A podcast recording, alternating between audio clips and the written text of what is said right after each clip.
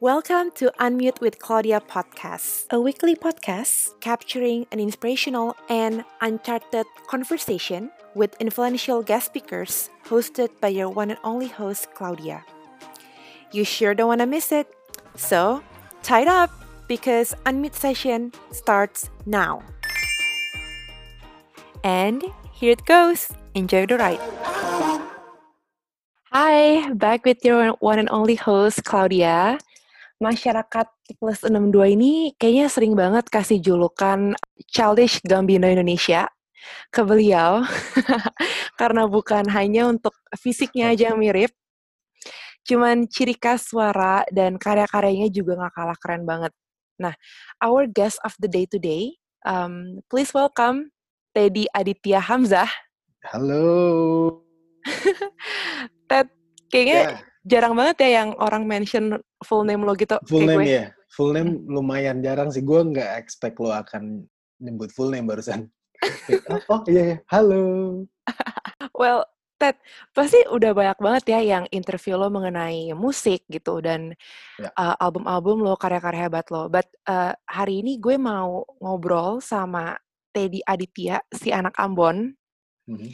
And your perseverance towards your passion. I'm sure that you have some interesting shit to tell us.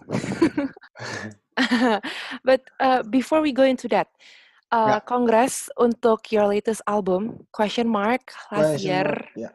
But I just want to say it again. Uh, I give you a huge appreciation for that music video. Gokil banget. Thank you. Visualnya thank you, thank you, tajam.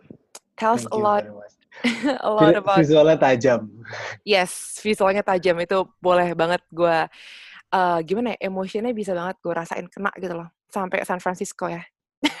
ja, padahal jauh tuh ya. banget. It, itu lo itu lo syuting di mana Ted videonya? Itu di Labuan Bajo.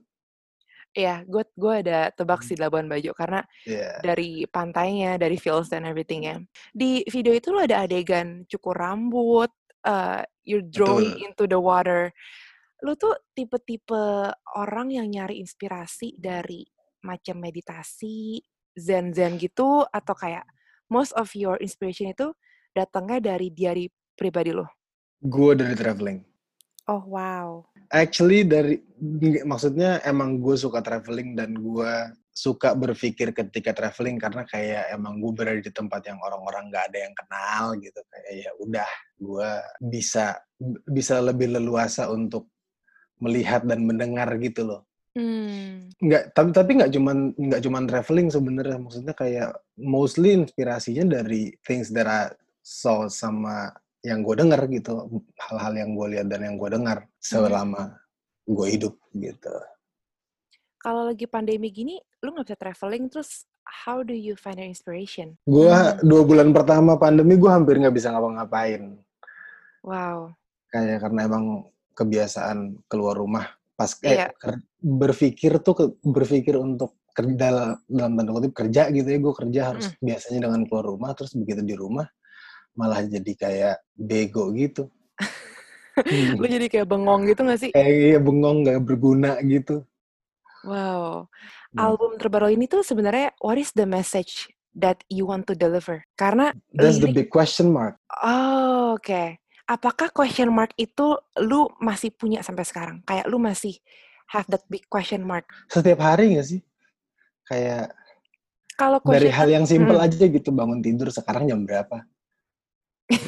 That's a question mark. Hari ini gue mau ngapain? Uh. Sampai hal-hal yang mungkin jauh lebih besar daripada itu gitu. Sebenarnya uh, si albumnya tentang apa ya? mempertanyakan ya? proses mempertanyakan hidup lo. Proses mempertanyakan aja gitu. Hmm. Kalau lo sendiri sampai gitu. ketemu jawabannya akhirnya. Uh-uh. Ceritanya gitu. Lo sendiri apa tuh big question marknya so far yang lu punya? Yang pernah gue tanyain gue tugas gue apa sebenarnya di lahirkan gitu dilahirkan ke bumi ini hmm. dengan apa yang dititipkan kayak gue dititipkan bisa nyanyi bisa hmm. bikin lagu biar apa tujuannya apa gitu hmm. sampai detik ini pun lu belum bisa menemukan the solid answer the solid answer belum cuman kayak bayangannya at least gue tahu kayak gue I have the answer belum hmm. solid cuman gue udah punya jawabannya gitu hmm. at least gue hmm. tahu gue akan pergi ke mana dengan Asik. jawaban itu gitu ceritanya Heeh, gitu heeh. But but dengan dengan semua pencapaian lu sampai sekarang ini gitu dan the fame that you got gitu, uh, you traveled fame I would say so I would say so. Oke. um, you traveled solo to this day. Uh, and maksud gue travel solo adalah lu adalah independent singer, Mhm. lu punya label sendiri, uh, you have your music production, Tet Oke. Records. Um, You must be proud of yourself gitu. Lu lu Iya. sampai di titik ini dengan semua itu sendiri. itu kayak daily task ya Re. You have to be proud of yourself every day ceritanya gitu kan kayak Mm-mm. dengan pencapaian kayak dulu gue mimpi 10 tahun lalu gue pengen gue cuman pengen punya sesuatu yang adalah beberapa orang yang bisa bergantung hidup sama itu gitu karena mimpi gue eh karena gue penya karena gue bisa nyanyi dan gue pengen jadi penyanyi akhirnya kenapa gue tidak menciptakan lingkungan yang bisa bisa Mensupport. mensupport gitu akhirnya ya udah memutuskan independen bikin uh, label sendiri bikin manajemen sendiri bikin tim uh, kreatif sendiri di mana uh, orang-orang yang gua ketemu di gua ketemu selama perjalanan gua dan percaya sama gua untuk mengejar mimpi bersama gitu karena mereka juga punya mimpi jadi kayak begitu gua lu mau nggak ngejar gede bareng-bareng gitu Eh, eh, dan jadinya Muncullah. muncullah gitu Ah. Very proud of that Mhm. Jadi pas lo dulu ditanya gitu, pertanyaan basic ya kayak, lu ntar masa depan lu mau kayak gimana? At- Atau mungkin kayak, how do you see yourself in five years? Ya itu dia jawabannya tadi. Ah. Eh, ya lima tahun lalu, 10 tahun lalu lah. 10 tahun lalu gue Hmm. ditanyain kayak gitu, jawaban gue adalah itu. Gue pengen punya sesuatu yang orang bisa hidup dari situ gitu. Hmm, wow. Itu berarti udah ada embel-embel musiknya ya berarti ya? Belum ada. Baru cita-cita cita-cita bodong aja gitu loh.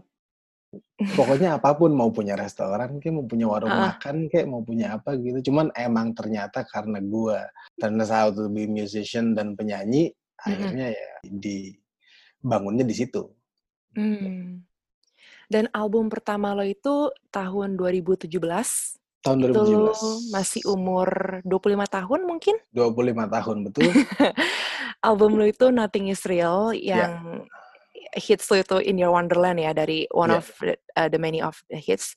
Mhm. Nah, perjalanan lo nih Ted, sam dari awal sampai lo benar-benar meluncurkan this first very first album. Itu apakah perjalanan lu untuk album setahun, sebulan, berapa lama tuh Ted buat albumnya? 9 tahun. Sembilan tahun. 9 eh 8 terlalu 2008. Oh ya, 9 tahun. Kalau dihitung secara se- pertanyaan lu kan tadi sama proses. Uh-uh. Prosesnya sam- emang sama prosesnya kan ya dua ya 9 tahun. Jadi ceritanya gini. Mm-mm. Dulu awal pertama kali gue masuk ke eh, musik, job pertama gue adalah jadi backing vokal yang tadi lu Google eh, research tentang gue. Gue pernah jadi backing vokal buat Andre Hehanusa. Yes, and he's he's a legend. Ya, he's a legend. Heeh. For sure. Terus sempet ada tawaran, maksudnya dia menawarkan lu nggak mau bikin album solo ya gitu kan. Mm-mm. Itu tahun 2008 akhir, gue inget bulan Agustus kalau nggak salah mau bikin album solo dan ya segala macam segala macamnya. Cuman eh dan gue sebelum jadi musisi, sebelum masuk ke dunia musik waktu itu gue sebelumnya atlet, jadi I know nothing about music. Exactly. Lu tenis nasional Per peringkat lima oh, peringkat lima. ah, ah. Iya, gitu. Jadi terus begitu ditawarin, ada rasa pengennya, cuman waktu itu gue mikir kayak kalau gue nggak tahu apa-apa, mau jadi apa ya? Gitu. Kira-kira jadinya kayak gimana ya? Akhirnya gue komit, gue janji sama diri gue sendiri waktu itu gue akan punya Hmm. album solo pertama gue di umur 25 tahun. Quarter life crisis ya berarti. ceritanya gitu. Jadi waktu ya umur-umur 18 gitu kan lagi baca-baca "Ih, ntar ada quarter life crisis umur 25 tahun katanya kalau cowok gue bla bla bla bla bla bla bla. Akhirnya kenapa gue gue menentukan untuk gue punya album solo di umur 25 tahun pun karena at least I have something to fight gitu kayak gue punya sesuatu yang besar yang gue buat untuk diri gue sendiri gitu ceritanya gitu. Betul. Mm-mm. Terus 2008, 2009 masih uh, masih jadi backing vokal. 2010 ketemulah sama Kunto Aji, Beboy sama Adera. Wow. Di situ tapi tapi dengar-dengar lu sempat pernah join BLP juga kan ya? Iya. Ceritanya masih masih abis ini nih. Oh. Jadi 2010 kita gua ketemu sama Boys to Boys, kita bikin uh -uh. oke okay, uh, grup grup vokal cowok-cowok lah gitu ceritanya. Uh-uh. Habis itu tahun 2010 2011 dua 2011 gua main sama BLP. Mulai main sama Berlin Muha Project. Hmm. Jadi 2010 gua ketemu Boys to Boys, kita jalan setahun, dua tahun. Uh, 2011 sambil gua sambil Boys to Boys sambil BLP juga waktu itu 2011, 2012, wow. 2013 eh, gue ya gue main sama BLP kelar sampai 2013 terus abis itu di 2015 eh 14 gue bikin band namanya Bloody Mama.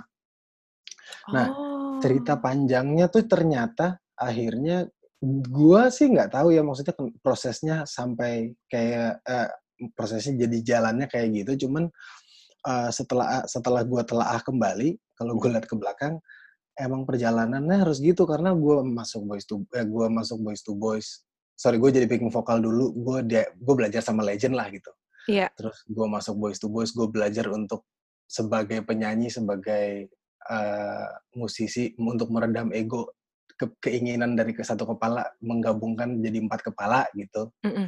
terus gue masuk BLP dan dengan musiknya BLP yang ya kita tahu lah ciri khas banget BLP kayak gimana ya mm. dan gue belajar musik banyak banget dari situ dari dari dari semua yang ada di Berli Gumoa Project bukan hmm. cuma birinya doang uh, sampai akhirnya di 2015 gue ngeluarin album si uh, Bloody Mama itu jadi emang waktu hmm. waktu terakhir waktu kita gue memutuskan untuk bikin band yang Bloody Mama itu rekaman gue udah bilang dari awal gue rencananya akan tetap pengen bikin album solo Cuman mm -hmm. gue nggak apa-apa nih kita bikin band sekarang. Dalam hati, maksud dalam hati gue adalah gue pengen membuktikan kalau gue udah komit masuk studio untuk rekaman dan bikin album, gue bisa sampai selesai apa enggak. Oke. Okay. Begitu Bloody Mama selesai ngeluarin album, jalan 6 8 bulan, akhirnya gue ngomong sama sama teman-teman band gue, gue kayaknya hmm. udah selesai nih tugasnya nih. Sekarang gue mau mundur untuk bikin album solo. Di situlah gue memutuskan untuk gue bikin album solo karena ketika gue tahu gue udah bisa komit di dalam studio untuk ngeluarin album. Hmm. Gitu. Jadi technically gue ngerjain uh, Nothing Is Real tuh setahun. Oke. Okay.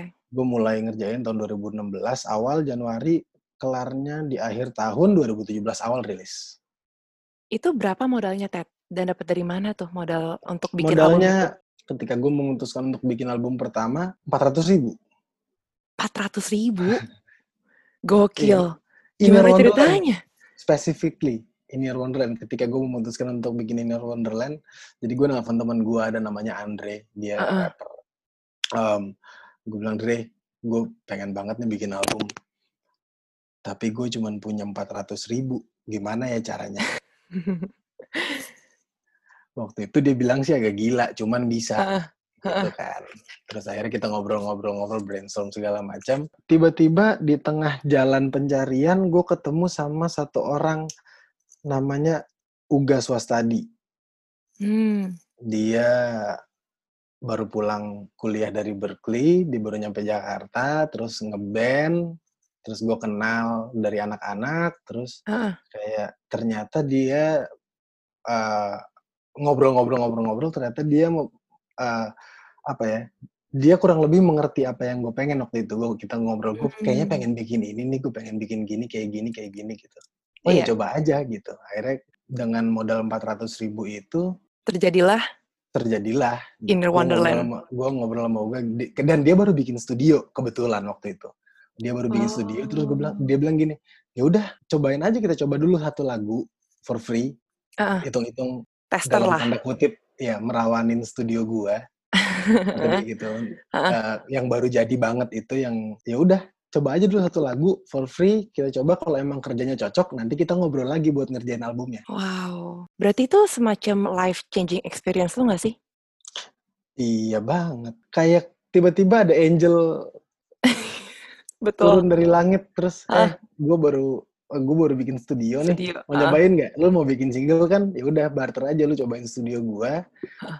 lu bikin lu dapat satu lagu gratis nih gitu Gokil. akhirnya jadilah ini Wonderland begitu ini Wonderland jadi sempat gua sempat jadi sekarang katanya influencer ya Yang ngomongnya Gua gitu. Iya, gue mendaftarkan diri ke goviral.com dulu ada satu website di mana dia Mem- memviralkan lah. tempat bertemu antara antara uh, produk dan influencer ceritanya gitu. Hmm. Terus akhirnya ya udah nabung dari situ ngumpulin duit untuk kerjain albumnya. Karena si Wonderland ternyata waktu itu berhasil. Berarti back then itu lu sama sekali nggak punya savings ya buat diri lu ya? Karena, Nope. waduh, wow. Dan gue, gue juga dengar-dengar lu sempet jualan CD lagu-lagu lu di eh, Java Jazz Festival. Jadi itu Java Jazz Festival 2017 baru jadi uh, albumnya. Albumnya rilis di Februari, Java Mhm. Jazznya di Maret. Oh, Jadi, oke. um, kalau itu ceritanya sih lebih kayak gua gua sebagai misalnya gua ngefans sama orang, gua akan Mm. lebih seneng beli barang itu dari orangnya langsung.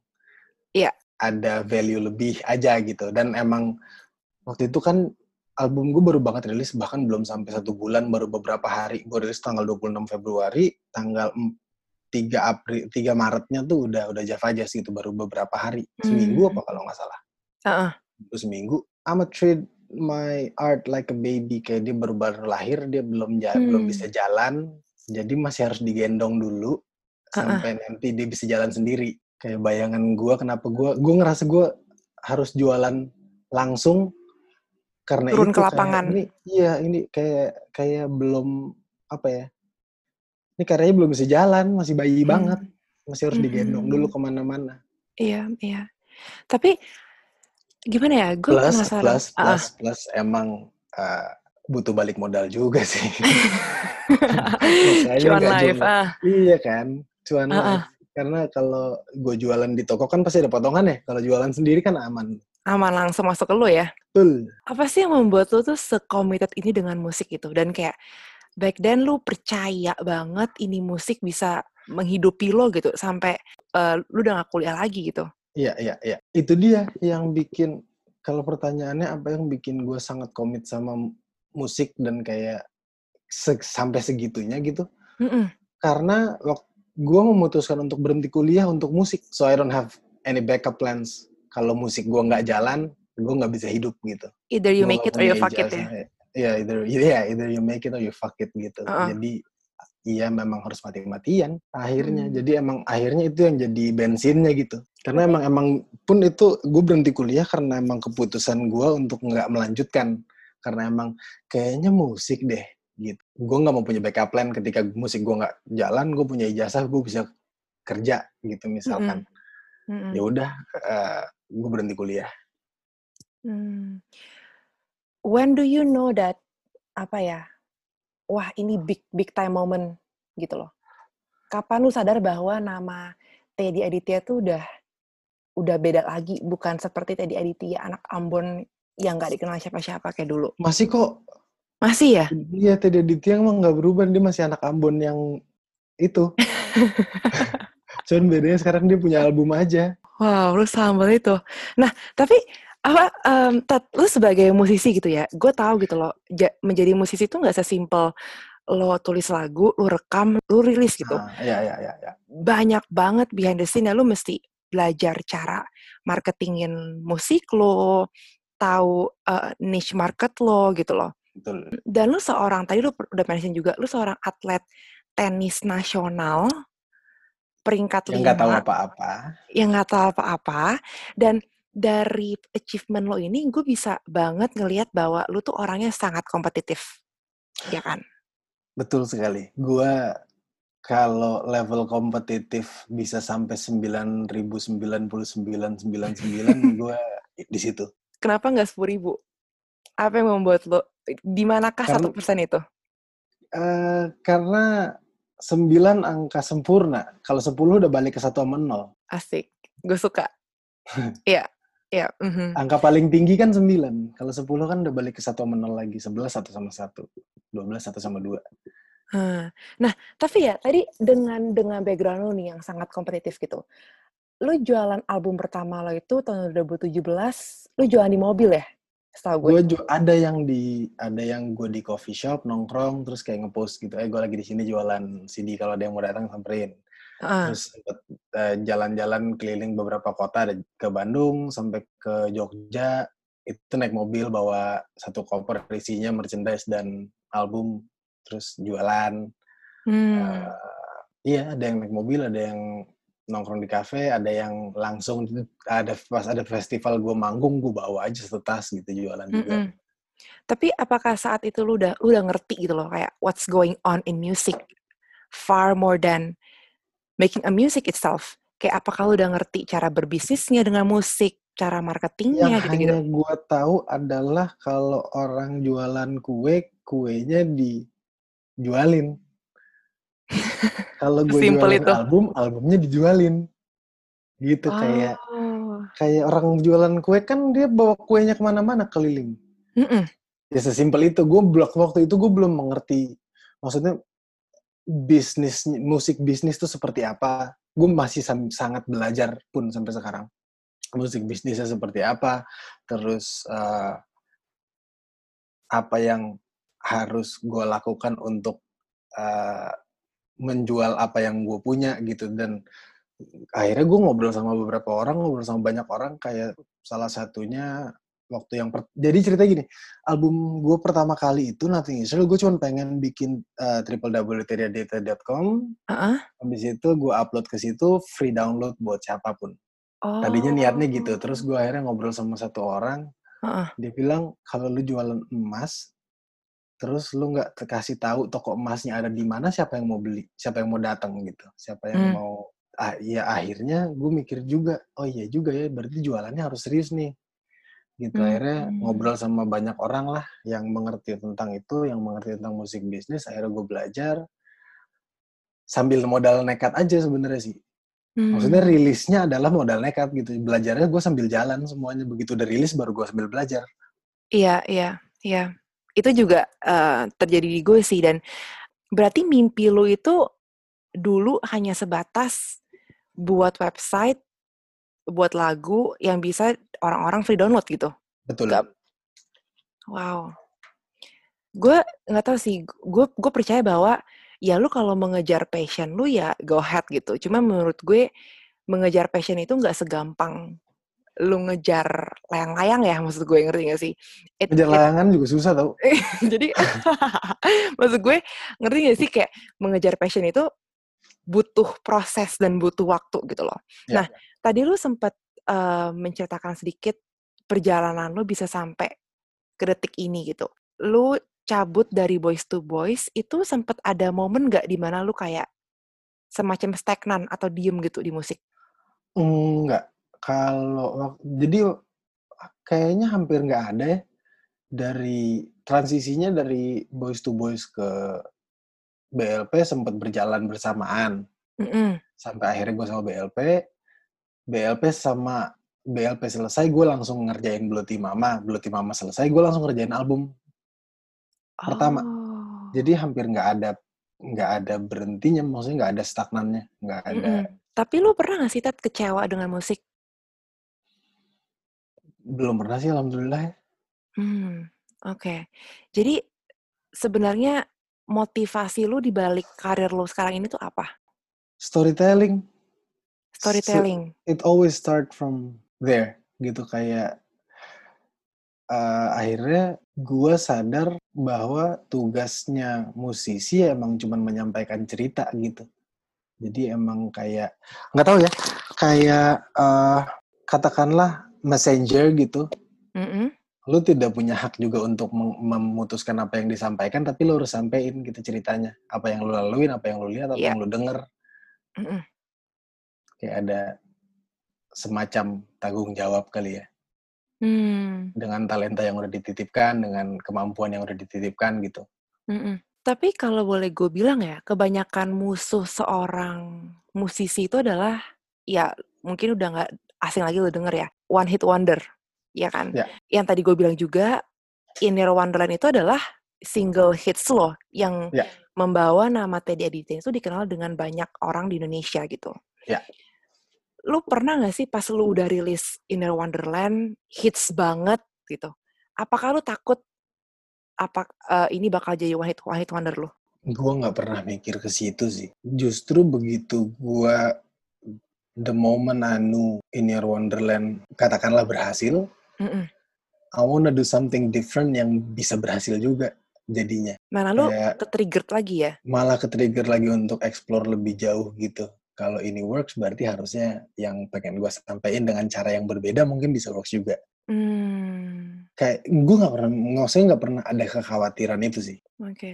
Malah malah Interesting. jadi malah jadi semakin pengen tahu gitu mas, semakin semakin curious. Kira-kira kalau gue gini gimana? Kalau gue gini gimana? Kalau gue melakukan ini gimana? Kalau gue add little something di sini gimana gitu? Oke. Makanya sebenarnya album lo yang apa namanya? Yang tahun 2017 itu yang Nothing Is Real dengan Hmm. question mark itu apa ya? eh, beda banget ya vibe-nya ya. Kalau boleh Ya. dibilang ya. Itu lu iya, iya, iya. semacam Are you tasting the water? Hmm, gue me- mengumpamakannya gini kayak album Quest- album Nothing Is Real tuh ibarat laut dia tuh kayak surface-nya where you, Hmm. where you see all the uncertainty gitu Heeh. ombak arus dan segala macam gitu kalau album Question Mark tuh lebih kayak Isinya. I dive a little deeper Oke. kayak gue agak agak below the surface gitu gue yang dilihat agak lebih ke dalam Yang sampai lu drawing itu kan di Ya. musiknya. Iya.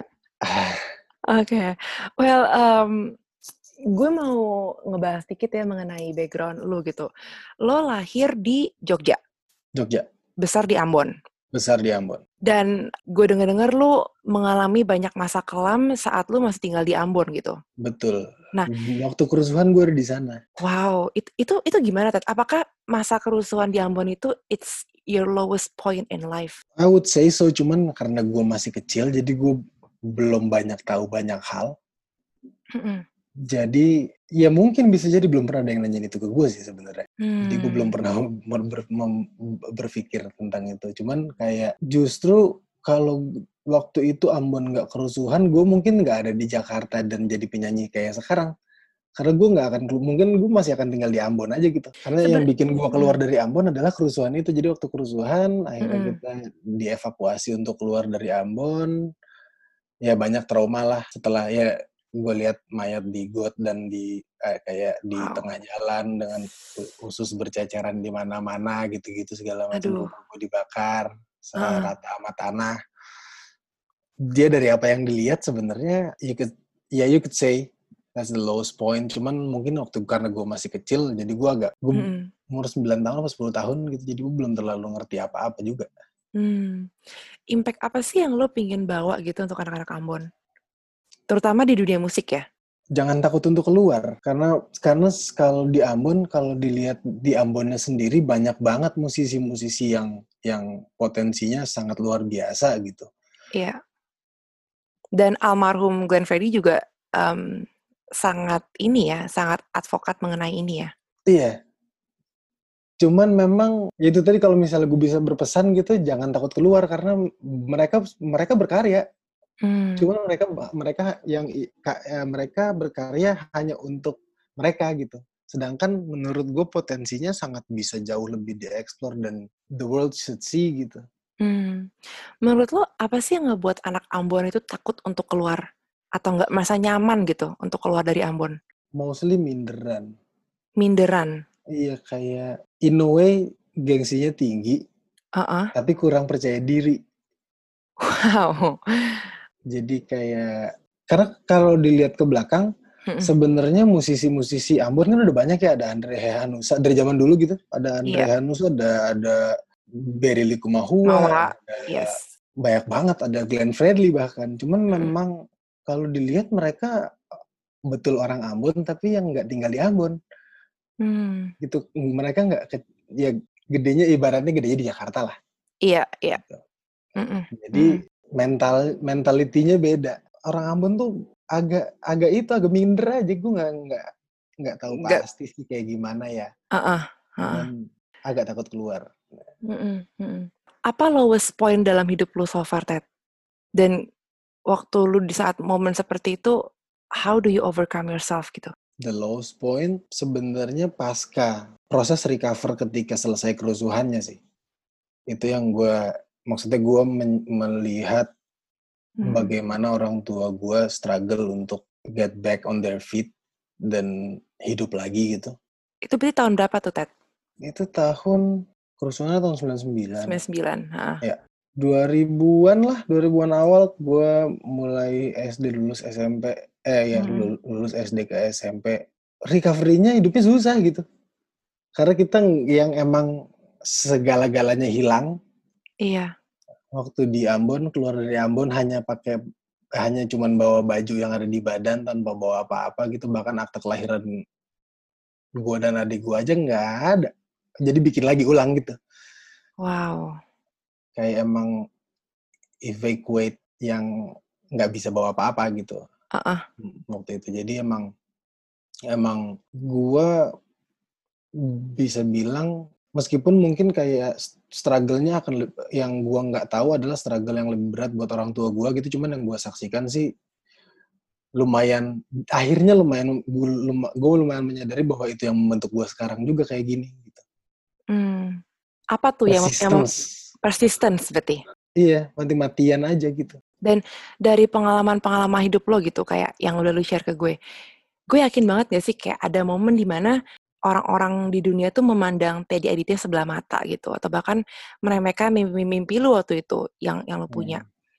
Di saat orang meremehkan lu dan meremehkan mimpi-mimpi lu ada di posisi seperti itu. Apa sih eh, peperangan apa sih yang terjadi di dalam batin lo gitu loh?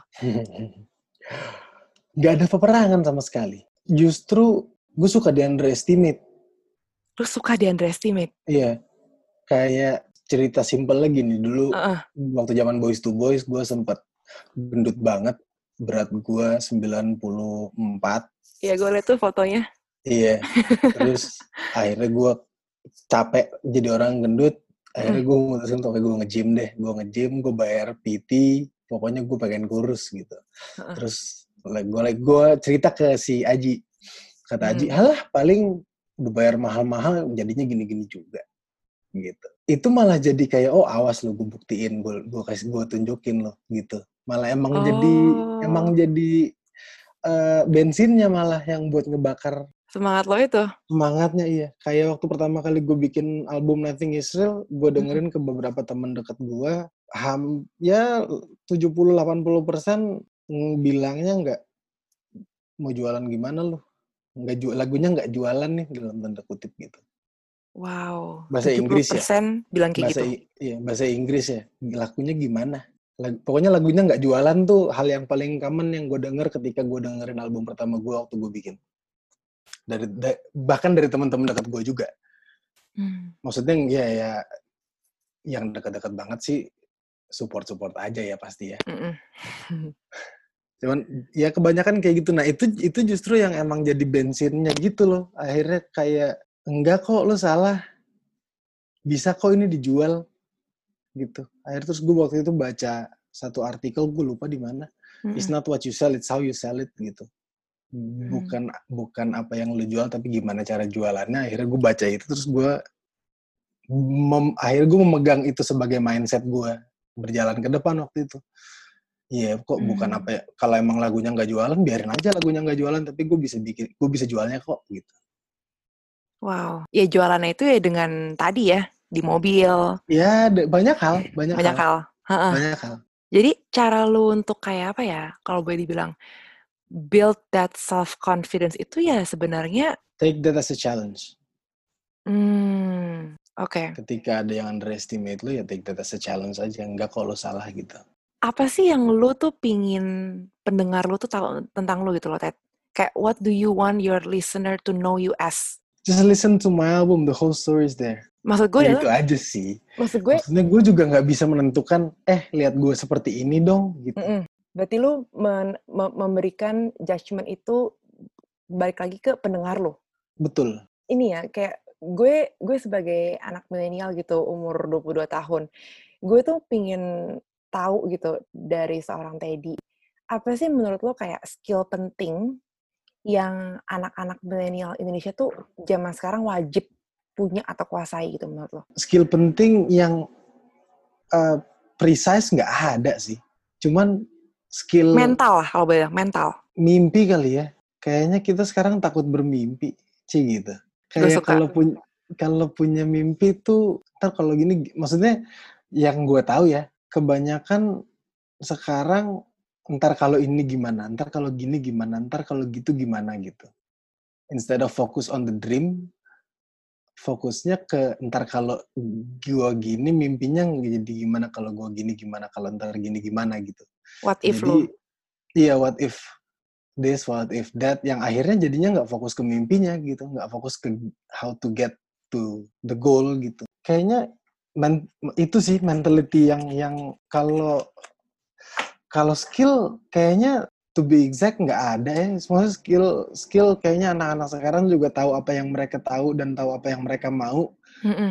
sekarang untuk belajar apa pun sangat gampang gitu dan ketika lo tahu apa yang lo mau dan lo yang lo suka lakukan untuk mengejarnya harusnya platformnya juga bisa lebih banyak, cuman mentalitinya untuk fokus on that. Hmm. Jadi gitu. menurut lo kalau misalnya seseorang tuh punya dream, udah tancap dulu aja dulu? Tancap aja dulu. Mimpinya aja dulu. Jadi hmm. kalau gue analoginya gini, misalkan lo punya satu kertas, hmm. terus lo bikin dua titik di bawah sama di atas. Oke. Okay di, di yang di bawah adalah uh, startnya, mm -hmm. si yang di atas adalah finishnya, mimpinya gitu. Mm. Terus lu tarik garis lurus, akhirnya lu tahu tujuannya ke mana. Ada garis lurus itu, meskipun nanti di pertengah perjalanan ada sedikit distraction, ada sedikit belok-beloknya, cuman lu udah punya udah punya udah punya garis itu untuk tahu ke mana lu akan nyampe gitu. Iya. Ngomongin mimpi. Ya? nah, ngomongin uh, mimpi gitu ya. Uh, what is your biggest dream? Selain mungkin bisa di musik, tapi gue gue penasaran gitu. What is your biggest dream as uh, simply Teddy Aditya? My biggest dream dulu gue pengen jadi pemain bola, main di Liga Eropa. Wih deh. Waktu kecil ya. uh. Kayaknya hampir mimpi semua anak laki-laki mimpinya jadi pemain bola uh-uh. gitu. Cuman kalau setelah sebagai musisi, jadi musisi ada mimpi yang gue mimpi banget sih, mimpi aja gitu, masih jadi mimpi sampai sekarang. Belum tahu kapan mimpinya jadi mimpi ben- ya gitulah. Gue mimpi manggung di Madison Square Garden. Mimpi kan? Uh. Mimpi bebas gak sih? Tet gue datang sih. Deket iya, sama gue. Iya lo datang, gue juga insya Allah datang sih. Amin. Ya mimpinya wow. itu. Uh, apa yang lu pingin apa ya maksud gue? Lu punya mimpi itu gitu. Kalau di parkiran juga nggak apa-apa kok manggung di Madison Square Garden di parkirannya gitu cuma jreng-jreng pakai gitar juga nggak apa-apa. Yang penting as long as it's in Madison Square Garden. Kenapa harus itu Ted, kayak spesifik gitu? Kenapa nggak Coachella? Hmm, kayaknya beda kali ya. Kalau Coachella kan kayak festival gitu kan. Kalau Madison uh -uh. Square Garden tuh kayak kayaknya gara-gara gue nonton uh, Justin Timberlake yang di Madison Square Garden deh. Jadi wow yeah, keren banget keren banget. di sini gitu. Mm -mm, mm -mm, mm jadi mimpinya sih itu. Wow. mimpi babu. But uh, can you visualize yourself di sana can can you visualize your I, I, I have many times. Ya ba ba banyak gitu gue sering ngebayangin ngebayangin aja. Ya tadi yang itu tadi gue bilang mimpi uh. babu. Jadi emang ngebayangin ngebayangin aja. Nah pertanyaan gue nih kayak mungkin udah banyak banget kan yang nanya kalau apa sih sukses ingredients lu untuk anak yang lu mau kasih ke anak-anak yang mungkin baru merintis menjadi musisi atau musisi-musisi muda gitu. Nah cuman uh, yang gue mau nanya hari ini apa sih your three success ingredients uh, dari seorang tadi Aditya untuk menjadi bahagia untuk menjadi konten? Mimpinya jangan dilepas itu satu. Kalau udah punya mimpi, udah set the goals. Yang kedua, selalu jujur sama diri sendiri. Mm -mm. Yang ketiga, mungkin curiosity kali ya. Kayak you have to keep your curiosity on fire all the time. Dan itu yang membuat lu sampai sekarang ini gak sih? Iya, yeah. gue anaknya banyak nanya. Nanya. Iya, kayak pengen tahu semua gue. I wanna do almost everything. Dalam hidup siapa me- mentor lu, Ted? Banyak banget. Hmm. Almost all the people that I met in my life. Kayak gue nggak bisa sebutin salah saya. Gue nggak bisa nyebutin salah. Cuman yang pasti orang tua gue itu pasti karena gue menyaksikan bagaimana mereka berjuang untuk ah, yang udah gue ceritain tadi Survive, gitu kayak iya. ya survive. Banyak banget. Hmm, hmm. Well, um, if you can have a block party of your own, mau Hmm. sama siapa? Hmm. Jacob. Collier deh. Jacob. Oh, Jacob Collier. Yes, dia Iya, gokil Jacob banget. Yap, yap. Dia tuh nggak tahu ya menurut gue ide kreatifnya tuh wah gila Dia sih. dia dia bukan ide kreatif sih dia emang jenius aja. Tapi waktu itu temen gue nanya ke dia, lu kalau mau disuruh pergi ke Asia countries, lu mau ke mana? Nah, Dia bilang dia mau ke Indonesia. ya udah sini dong. Cie. Iya. Dia bilang dia pengen ke Indonesia. Gue Ya udah nanti blok wow. partinya di sini sama gua berarti kan. di ini ya Mampang Perapatan kali ya. well, tadi Aditya, thank you so much. Thank Um, you. Hope we can hang soon. Amin. So, what's next for you, Ted? A- akan akan akan. I'm working on something lagi on progress. Semoga lekas selesai dan lekas dikeluarkan.